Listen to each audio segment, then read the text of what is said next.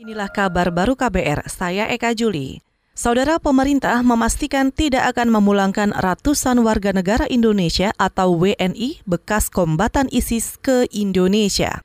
Menteri Koordinator Bidang Politik, Hukum, dan Keamanan Mahfud MD mengatakan Keputusan itu untuk menjaga keamanan warga negara lainnya dari ancaman terpapar paham radikal. Teroris-teroris yang di luar negeri itu jumlahnya 689 orang tadi. Warga negara Indonesia ada di Suriah, di Turki, dan beberapa negara terlibat TF. Itu akan dipulangkan atau tidak? Keputusan rapat tadi, pemerintah dan negara harus memberi rasa aman terhadap 267 juta rakyat Indonesia. Karena kalau FTF ini pulang, itu bisa menjadi virus baru yang membuat rakyat yang 260 juta itu merasa tidak aman.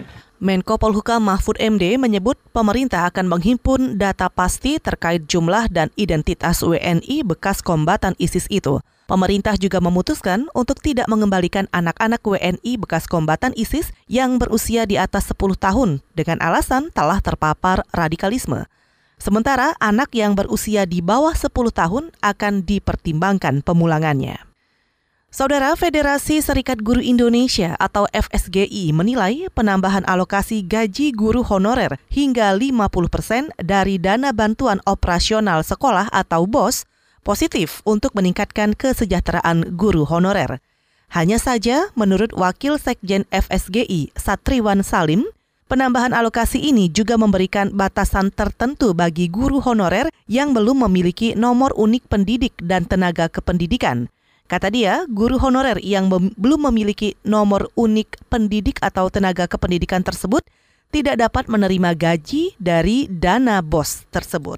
Skema yang sekarang ini tetap ada aturan-aturan yang di satu sisi memberikan kelonggaran, otonomi ke sekolah, tapi di sisi lain dia tetap memberikan batasan-batasan tertentu gitu. Terkait yang tadi uh, guru honorer misalnya gitu kan. Dan itu harus syaratnya apa tadi? Harus punya NUPTK. Persoalannya adalah guru-guru honorer kita yang mengajari negeri, termasuk di swasta, itu banyak, banyak banget yang belum memiliki NUPTK. Jadi tetap susah juga itu. Mestinya kami berharap NUPTK-nya dihilangkan. Itu tadi Wakil Sekjen Federasi Serikat Guru Indonesia atau FSGI Satriwan Salim. Sementara itu, menurut Ikatan Guru Indonesia atau IGI, kebijakan penggunaan dana BOS untuk membayar gaji guru honorer menjadi kontraproduktif dengan keinginan pemerintah untuk menghapus sistem honorer.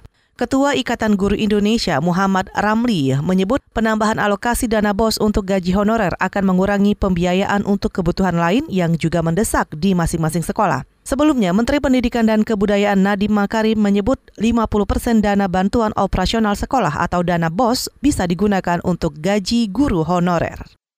Saudara, Organisasi Kesehatan Dunia atau WHO menyatakan Virus corona menjadi ancaman serius bagi China dan dunia. Direktur Jenderal WHO Tedros Adhanom menyebut WHO akan mengadakan konferensi di Jenewa untuk memerangi virus tersebut. Konferensi ilmiah ini juga akan membahas sumber virus yang diperkirakan berasal dari kelelawar dan mencapai manusia melalui spesies perantara seperti ular atau terenggiling.